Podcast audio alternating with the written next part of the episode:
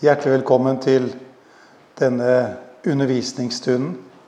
Jeg tenkte vi skulle gjøre det sånn at vi først, som Per sa, eh, går igjennom noen grunnleggende, viktige ting i forbindelse med temaet.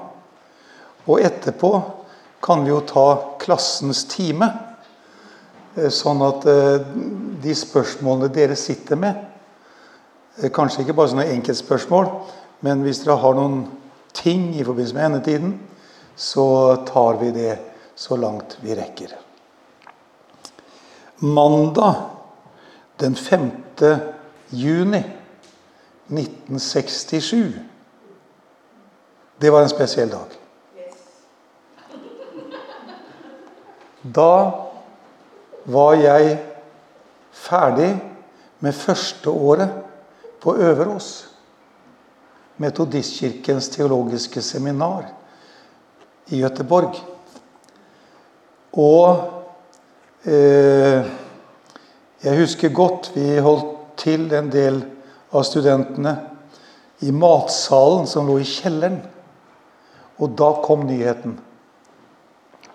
Nemlig at Syria, Jordan og Egypt hadde marsjert opp hærer ved Israels grenser. Og truet med å feie den jødiske staten på havet. Men i ly av nattemørket gjorde Israel det som David gjorde overfor Goliat. De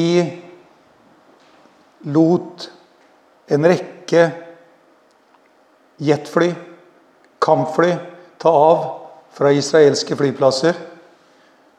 Med radiotaushet under radaren fløy de ned til Egypt og bombet i stykker hele den egyptiske luftvåpenet, mens de før offiserene hadde kommet ut av senga si.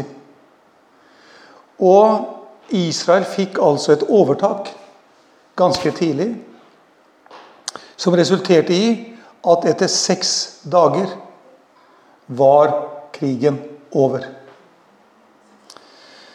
Da tentes min interesse for Midtøsten-spørsmålet, for Israel, for endetiden. Og etter hvert så leste jeg det jeg kunne få tak i av litteratur om endetiden og Jesu gjenkomst. Og siden sånn midten av 70-tallet, så har temaet endetiden og Jesu gjenkomst stått på min agenda som forkynner. Både i bibelskoler, menigheter, i innland og utland. Eh, helt til jeg nå i eh, høst etter utallige oppfordringer fra Hermon Forlag, skrev boken 'Jesus gjenkomst', eller 'Jesus kommer igjen'. Bibelens lære om endetiden og Jesu gjenkomst. Den behandler ganske mye. Eh, og den, noen kommer til meg og sier den er lettlest. Andre kommer til meg og sier at eh, var, her var det veldig mye stoff å sette seg inn i. Men den boken er altså beregnet på vanlige kristne som vil sette seg inn i dette spørsmålet om endetiden og Jesu gjenkomst. Den er beregnet på eh, bibelskoler eh, rundt forbi som eh, trenger en tekstbok. Og ikke minst er den beregnet på unge forkynnere som ikke våger å preke om dette temaet. For det er så mange forskjellige syn og oppfatninger.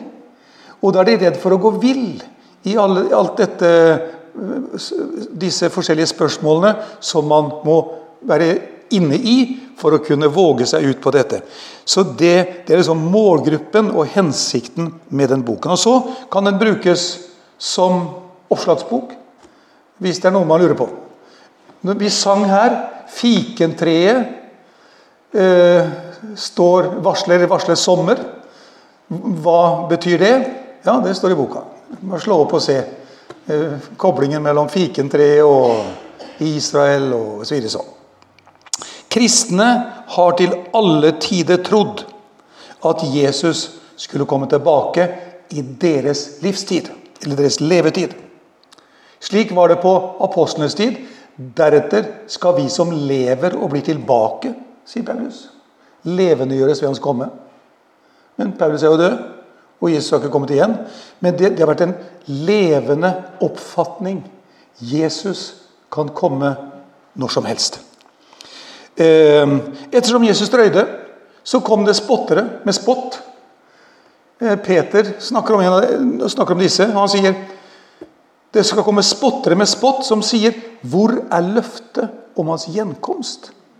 For helt fra fedrene sovnet inn, vedblir jo alle ting å være som det har vært fra begynnelsen. Men så sier Peter de som sier slik, er blinde for. Og så kommer han igjennom en utlegning av den verden som var, den verden som er, og den verden som kommer. Og så sier han Gud er ikke sen med løftet, som noen akter det for senhet. Men han vil at alle skal bli frelst og komme til sannhetserkjennelse. Endetiden og dette spørsmålet har noen ganger blitt et tema for spesialister. De som er spesielt interessert. Men egentlig står det i sentrum av vår forventning som troende. Og jeg tror faktisk at det går an å være en ivrig sjelevinner og samtidig være opptatt av Jesu gjenkomst. Han vil at alle skal bli frelst og komme til sannhetserkjennelse. Så er det interessant å se gjennom Kirkens historie når har spørsmålet om Jesu gjenkomst vært levende? Jo, i tider av vekkelse. Når Den hellige ånd har virket, så er det som om Den hellige ånd har gjort dette spørsmålet levende for troens folk. I tider av åndelig sløvhet så har det kommet i bakgrunnen. I dag er det faktisk en helt spesiell interesse for endetiden og Jesu gjenkomst. Sønnen min var innom eh, Bok og musikk i Akersgata i Oslo like etter at boka mi var kommet ut. Og han som driver bok og musikk, han sa det er en veldig interesse for tiden. For bøker om endetiden og Jesu gjenkomst. Og så hører vi om vekkelse. Både her og der. Den hellige ånd er i virksomhet. Og Den hellige ånd vil holde forventningen levende om at Jesus kommer igjen. Vi leser på de siste sidene i Bibelen Ånden og bruden sier 'kom'. Kom, ja, jeg kommer snart. Amen, Herre Jesus. Eh, Bibelen sier det faktisk veldig tydelig at Jesus kommer igjen. I Det nye testamentet omtales dette spørsmålet 318 ganger. Og i hele Bibelen, hvis du tar for deg profetene, så omtales endetiden og Jesu gjenkomst omkring, og Messias' komme omkring 1045 ganger. Så det er en massiv undervisning i Bibelen om dette spørsmålet. Da Jesus for opp til himmelen, så sto disiplene der og så at Jesus forsvant. En sky tok ham bort fra deres øyne. Jeg tror ikke at det var lavt skydekke den dagen. Og at Jesus forsvant i noen cumulusskyer, eller hva det var. Eh, jeg tror at den skyen Jesus forsvant i, det var den samme skyen som hvilte over tabernaklet. Røkskyen. Som var et synlig bevis på Guds nærvær. Så når Jesus forsvant, så forsvant han i en herlighetssky. Og jeg tror også at Jesus skal komme tilbake i en herlighetssky. Men det kanskje vi kan komme inn på litt senere. Galileiske menn, hvorfor står dere og stirrer opp mot himmelen? Den samme Jesus som ble tatt opp fra dere til himmelen, skal komme igjen på samme måte som dere så ham fare opp til himmelen. Det går altså som en rød tråd gjennom hele Det nye testamentet at Jesus skal komme tilbake. Derfor, Det første vi skal slå fast, det er at troen på at Jesus skal komme igjen, har vært et kristent felleseie for alle evangeliske kristne til alle tider. Så har man hatt forskjellig syn på hvordan det skal skje, og når det skal skje. Eh, er Guds rike og tusenårsriket det samme, eller er det to forskjellige ting? Skal Jesus komme igjen én gang eller to ganger? Der er det forskjellige syn. Er det noe som heter tusenslike i fysisk forstand? Skal Jesus komme igjen før trengselstiden, eller midt i trengselstiden, eller etter trengselstiden? Det er det forskjellige oppfatninger av. Og det er greit, det. Vi må bare erkjenne at vi ser forskjellig på ting, men det viktigste er vi venter på at Jesus skal komme tilbake. Nå har jeg et spesielt syn, og det legger jeg ikke skjul på i boka. Eh, jeg står for et bestemt endetidssyn, men vi må, vi må liksom rekke ut hendene. Uansett hvordan man ser på sider ved Jesu gjenkomst. Det at man tror at Jesus skal komme tilbake, det er det viktigste. Den åpenbaringen vi møter i Bibelen, kan vi sammenligne med lyset fra en lommelykt. I hvert fall av den gamle typen. Da var det slik at i sentrum, da var lyset klart. Men ut mot sidene var lyset svakere. Sånn er faktisk Bibelen. Vi må bare konstatere det er ikke alt i Bibelen som er like klart. At Jesus skal komme igjen, det er klart. Det er tydelig.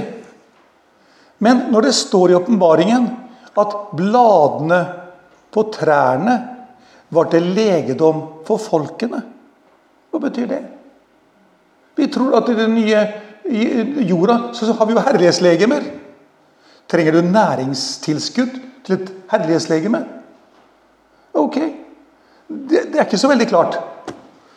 Og det er mange, mange andre ting som man må akseptere at man ser forskjellig på. Og, men at Jesus kommer igjen, det ligger i det klare åpenbaringslyset. Det var innledningen. Det er to spørsmål som er avgjørende viktig når det gjelder endetiden. Det første spørsmålet er hvordan skal vi tolke profetiene? Da tenker jeg på det som står i Det gamle testamentet om framtiden. Som profetene talte om. Hvordan skal vi tolke det? Og Da kan man velge å tolke det på én av to måter. Du kan tolke det billedlig. Eller du kan tolke det bokstavelig. Hva vil det si å tolke profetordet billedlig? Jo, når det står at ørkenen skal bli som en vannrik hage. Hvis du tolker det billedlig, så sier du når Jesus kommer inn i mitt hjerte, da blir mitt hjertes ørken som en vannrik hage. Da har du tolka det billedlig. Men hvis du tolker det bokstavelig, så vil du si en dag skal Jesus komme igjen og opprette et rike. Tusenårsriket. Og da skal jorden bli forvandlet. Da skal ørkenen bli til en vannrik hage. Da har du tolket det bokstavelig. Eller hvis det står at en lamme skal springe av fryd.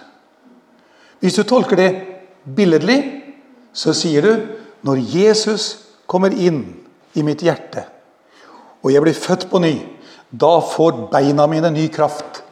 Og jeg vil bli frisk og rask eh, i åndelig forstand. Eh, det som var skrøpelig og svakt i mitt indre, det blir friskt og levende. Da har jeg tolka det bokstavelig, billedlig. Hvis jeg tolker det bokstavelig, så vil du si en dag skal Messias komme tilbake. Og da skal han føre legedom innenfor folket. Og den halte skal springe, og den lamme skal springe. Og de, de skal bli friske og raske. Det skal skje et helbredelsesunder der framme. Da tolker du det bokstavelig. Altså Hvordan skal vi tolke profetiene? Og da er det sånn at nå, nå, får du lese i boka detaljene her. For eh, det blir jo bare en sånn en eh, prøvesmaking som jeg serverer her.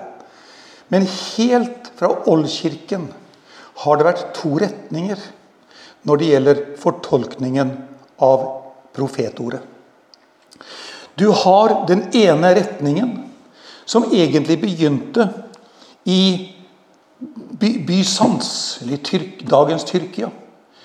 Og Der var det en teologisk skole som hevdet at man skal tolke profetordet bokstavelig.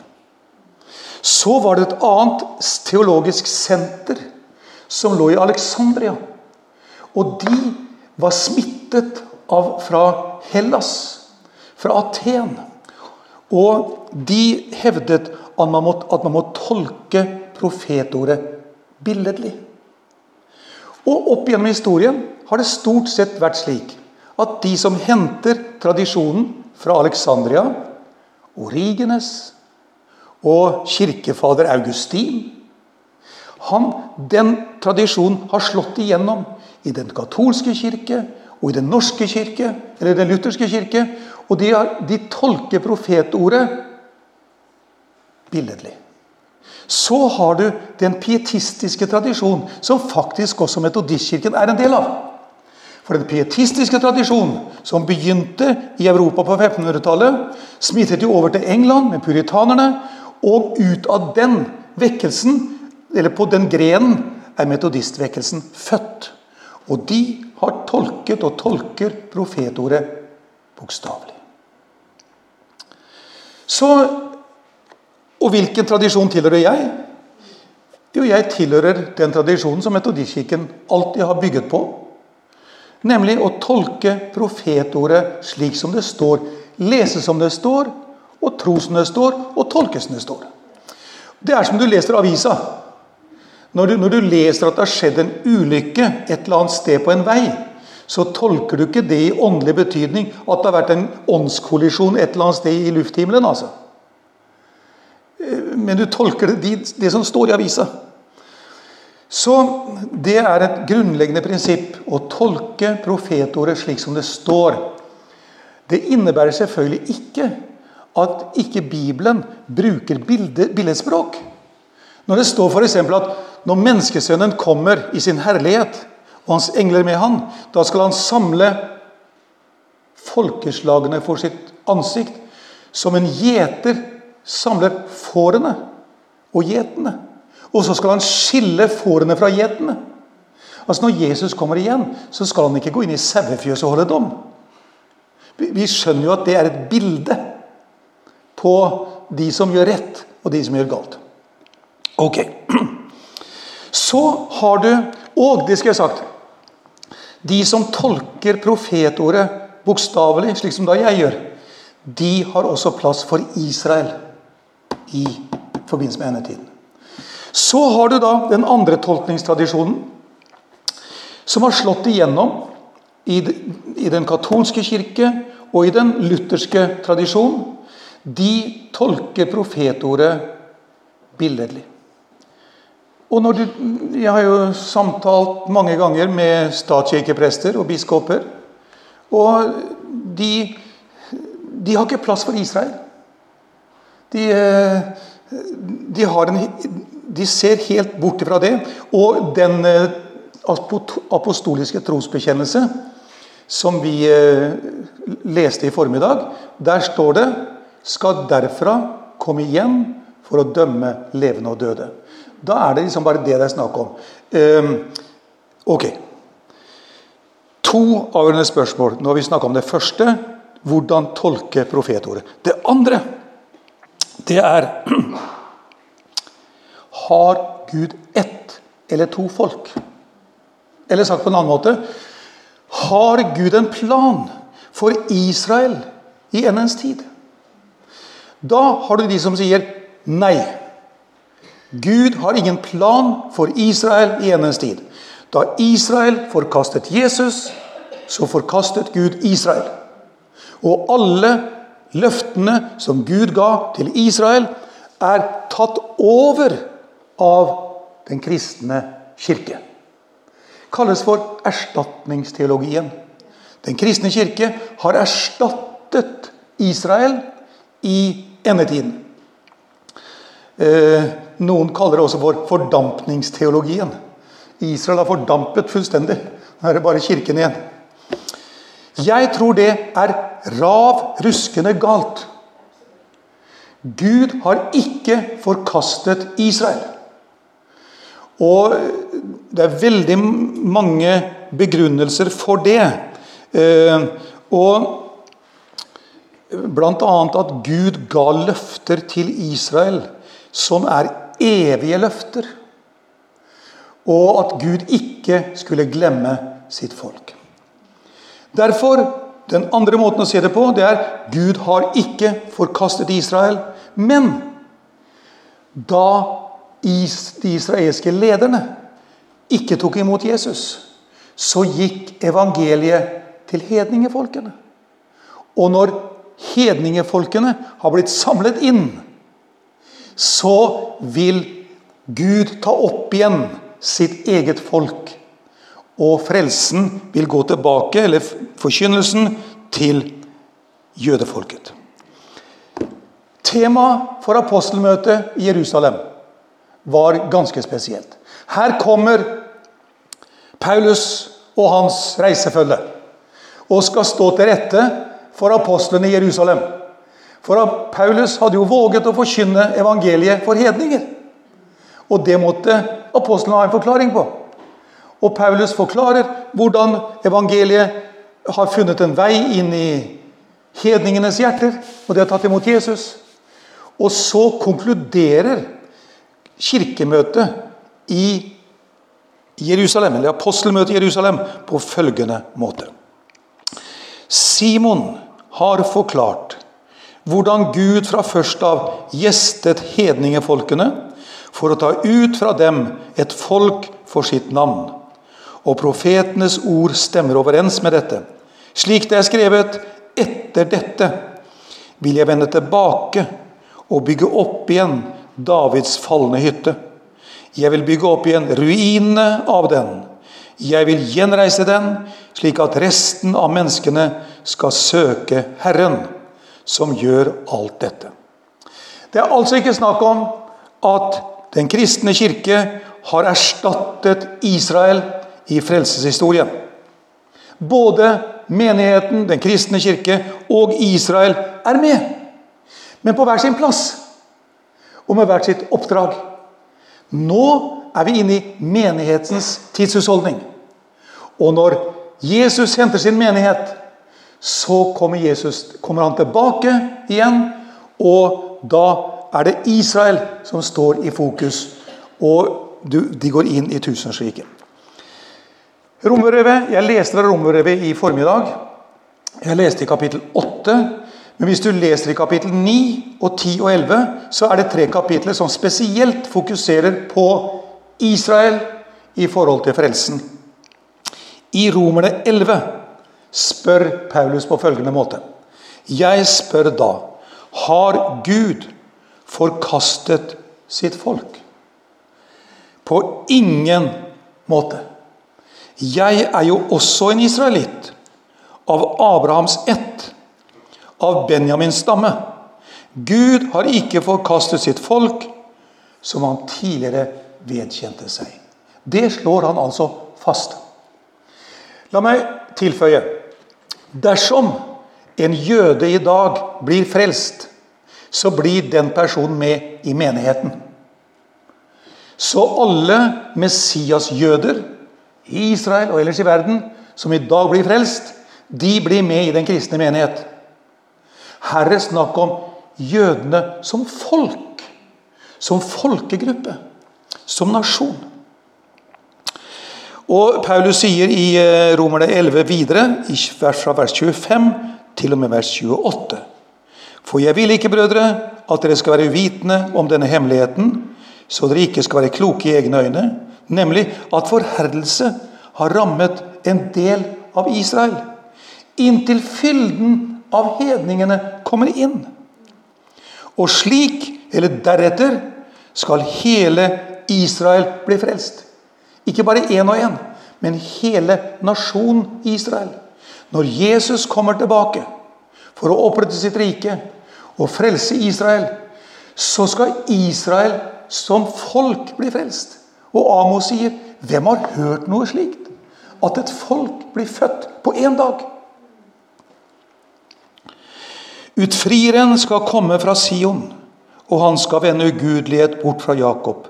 For dette er min pakt med dem, når jeg tar bort deres synder. Ifølge evangeliet er de fiender for deres skyld. Men ifølge utvelgelse er de elsket for fedrenes skyld. Det er det en del norske biskoper og prester og teologer som ikke ser. Og Derfor har det ikke plass for Israel i endetiden. Gud har utvalgt dette folket.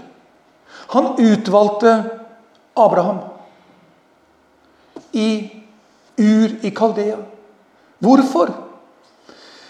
Ja, Det er en av de tingene jeg kunne tenke meg å spørre om når jeg kommer til himmelen. Hvorfor utvalgte du Abraham? Den eneste forklaringen som jeg kan få her på jorda, det var fordi Gud ville det. Og det er forklaringen god nok. Og ut fra denne mannen så dannet han et folk. Så det var ikke sånn at Gud fant et folk, han fant en nasjon, og så valgte han den nasjonen. Nei, han fant en mann som vandret i tro. Og så skapte han ut av den ene mannen et folk. Se opp mot himmelen. Tell stjernene. Slik skal din ett bli. Se havets sand. Slik skal din ett bli. Og så skapte han et folk. Og hos profeten Jesaja, hvor det står 'Jeg er Israel, jeg er din Gud, som skapte deg', Israel. Det ordet der som brukes 'skapte', det er det samme ordet som brukes i første Mosebok, kapittel 1, vers 1. Å skape av intet. Så dette er, folk, dette er et folk som Gud har skapt for seg selv. Altså to spørsmål. Hvordan tolke profetordet? Og har Gud en plass for Israel i endens tid? Jeg svarer vi skal tolke profetordet bokstavelig. Og Gud har en plass for Israel i endens tid. Og når man har svart rett på de to spørsmålene, så legger det føringer for hvor du ender opp en, hen når det gjelder endetidssynet. Altså. Så det ligger solid i bunnen. Så Det var det første spørsmålet. Nå er det jo sånn at vi her har senka skuldre og eh, litt tid. Så jeg skal touche så vidt på noen metoder. Du vet Når man skal eh, lage en forskningsoppgave, så må du først ha et metodevalg. Du må velge hvilken metode du skal bruke. Eh, og her i, Når det gjelder endetiden, så har du fire forskjellige metoder du kan legge til grunn. Og jeg velger én av de metodene når det gjelder mitt, min måte å forstå endetiden på. Den første metoden kalles for den preteristiske metode. Et vanskelig ord, kanskje. Men preterisme, eller preteritum, det betyr en avsluttet handling i fortiden. Og de som står for et preteristisk syn og en preteristisk tolkningsmetode, de hevder at Jesus har kommet igjen allerede, han. Han kom i år 70. Da Jerusalem ble ødelagt, da kom Jesus igjen. Og så vil han sannsynligvis komme igjen en eller annen gang i framtiden. Eh, I forbindelse med at de døde skal stå opp igjen. Eh, men eh, det er lenge til. De sier også at da Jesus kom igjen i år 70, så bandt han djevelen. Og vi lever nå i tusenårsriket. Litt vanskelig å forstå når man tenker på to verdenskriger og napoleonskriger og hundreårskrigen og 30-årskrigen og Ukraina-krigen, at, at, vi nå lever i tusenårsriket. Men det interessante er at det faktisk i Norge i dag er en del, eh, spesielt eh, personer som har kommet ut fra den karismatiske sammenhengen, merkelig nok. Eh, jeg har også kommet ut av den karismatiske sammenhengen, men jeg har heldigvis ikke havnet der. De, de, de kalles for preterister og tror at Jesus allerede har kommet igjen. Mange ganger, faktisk. Ok. Så har du en, en, metode som er mye vanligere, og det kalles for den historiske metode. Og Der hevdes det at profetiene oppfylles under historiens gang, i menighetens tidsalder. Og den metoden billedliggjør eller allegoriserer dager til år og Israel til kirken og den framtidige trengselstiden til prøvelser og vanskeligheter som de kristne opplever opp gjennom kirkens historie. Det kom forresten ut en bok på Verbum forlag i fjor høst eh, av Hans Olav Sagerusten. En fantastisk fin bok eh, som heter 'Åpenbæringa'. En samtidsvisjon. En fantastisk bok på et nydelig nynorsk. Men han tolker altså endetiden i historisk. Eh, jeg har sansen for mye av det han skriver, selv om jeg ikke legger den historiske metoden til grunn. Men den er absolutt leseverdig. Så den tredje metoden kalles for den tidløse metode. Og Der er det slik at man ikke ut fra Bibelen kan si noe når det gjelder tidspunktet eller oppfyllelsen av profetiene. Og Man hevder da at profetiske forutsigelser ikke varsler spesielle framtidige hendelser. Men at det, er eh, oppbyggelig stoff. Så den siste metoden, som jeg personlig står for, den kalles for den futuristiske metode. Futurum det er jo framtid. Det skal komme skal skje. Og en futuristisk tolkning legger den endelige oppfyllelsen av profetiene til framtiden. Og hvis man ser på Johannes' åpenbaring i en framtidstolkningsmetode, eller futuristisk metode, så leser vi gjerne kapittel 1 om det Johannes så. Det var det som Det var det som skjedde der på Patmos. Så har du kapittel 2 og 3. Det er sendebrevene. Sju brev til de sju menigheter i Lilleasia. Og det tolker vi gjerne som kirkens historie. Fra aposteltiden og fram til Jesu gjenkomst. Så, når det står i kapittel 4 at Johannes hører en røst som sier Stig opp her, og jeg skal vise deg det som heretter skal skje. Der legger vi gjerne menighetens bortrykkelse. At Jesus henter sin menighet. Og det som står beskrevet fra kapittel 4, 5, 6 og framover, det er det som skal skje etter at Jesus har hentet sin menighet. Det er en typisk futuristisk eller framtidstolkning av endetiden. Ok, det var det andre. I boka mi har jeg et kapittel som heter 'Ord og begrep'. Det er jo sånn vet du, at eh, læren om endetiden, i hvert fall hvis du skal studere teologi, så er det et fag det, som har en del spesielle begrep og uttrykk. Læren om endetiden for eksempel, kalles for eschatologi. Eller eskatologi. som kommer av eskaton, det skjulte, det som er skjult, men som blir åpenbart. Så der er det et sånn spesielt begrep. Og så har du millennium. Det er en betegnelse på tusenriket. Og så er det spørsmål Du har en hel del ord og uttrykk som er knyttet til millennium, millennialisme.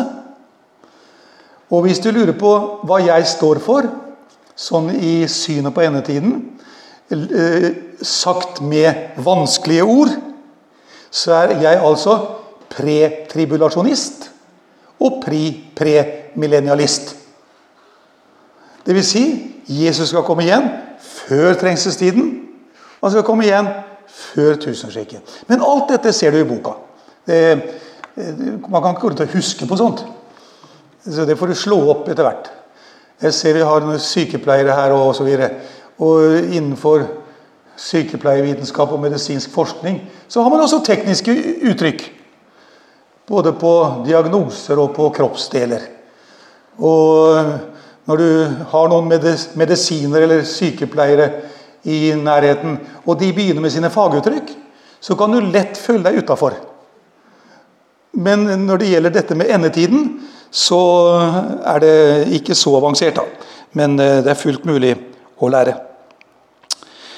Ok. Det jeg i boka Bare ta det før jeg avslutter. Eh, det jeg i boka legger veldig stor vekt på, det er at du skal få muligheten til å studere det Bibelen sier om når kommer Jesus igjen. Det er det ingen som vet. Men jeg forklarer litt forskjellige sammenhenger der. Noen har jo forsøkt å bestemme når Jesus skal komme igjen. Eller liksom fastslå når Jesus skal komme igjen.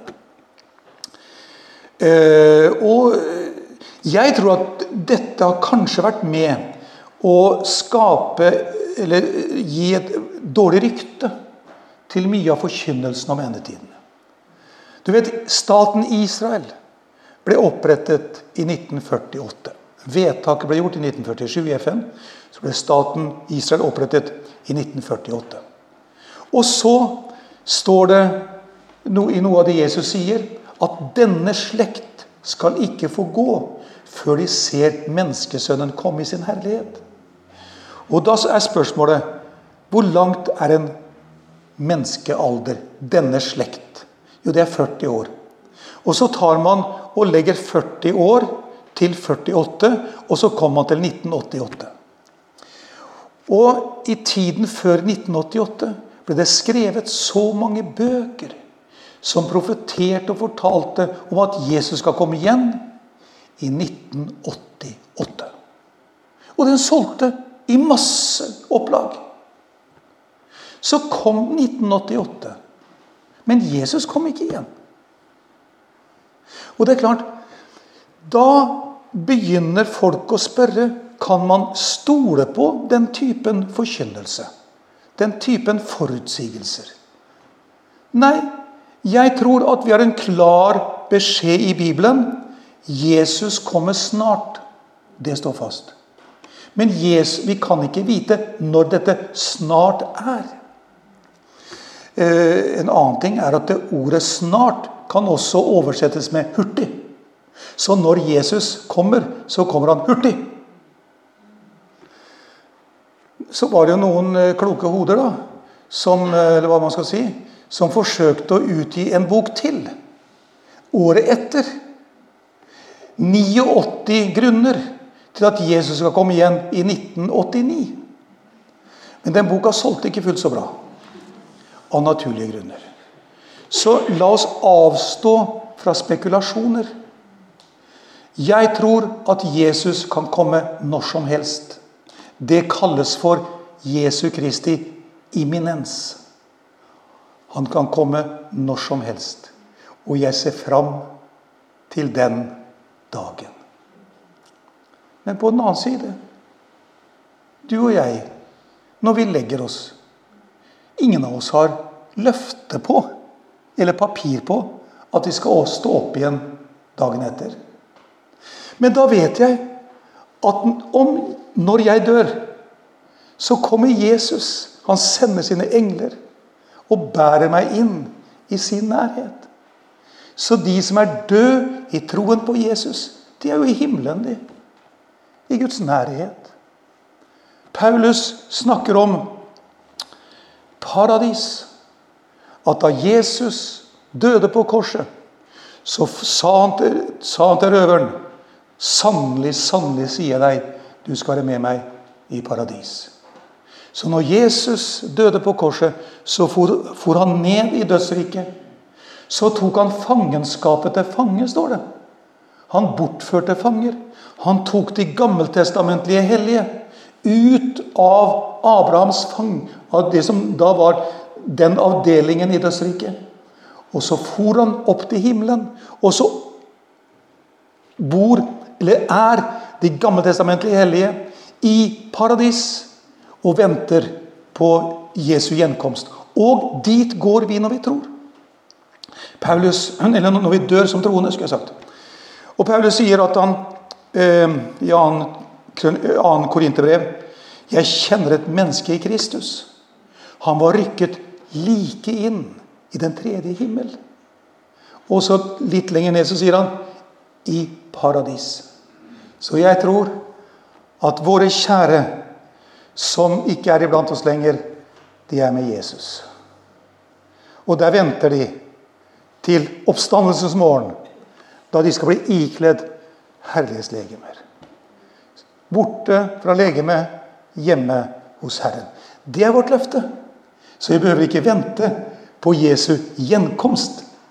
Når han kommer og henter oss én etter én, så bæres vi av engler inn i paradis. Det er vårt fantastiske håp. Så er det en dag at Jesus skal komme i skyen. Men før det er det en hel del spennende og interessante ting som Bibelen taler om. Gog-alliansen. Hva er det for noe? Ja, Det står det en hel del ting om. Bl.a. hos Esekiel. Tusenårsriket. Hva er det? Jo, det står det en hel del ting om. Hvordan ble mennesker frelst før Kristus? Jeg har et kapittel om det i boka. Og når Jesus henter sin menighet. Oppstandelseslegeme. Og når Jesus kommer igjen, og det nye himmel og det nye jord. Dette var bare en liten introduksjon. Det er et stort tema et fantastisk perspektiv som vi har som troende. Og som jeg understrekte i formiddag vi er håpets folk. Midt i en verden som er i ferd med å miste håpet. Så har vi en framtid, og vi har håp. Amen.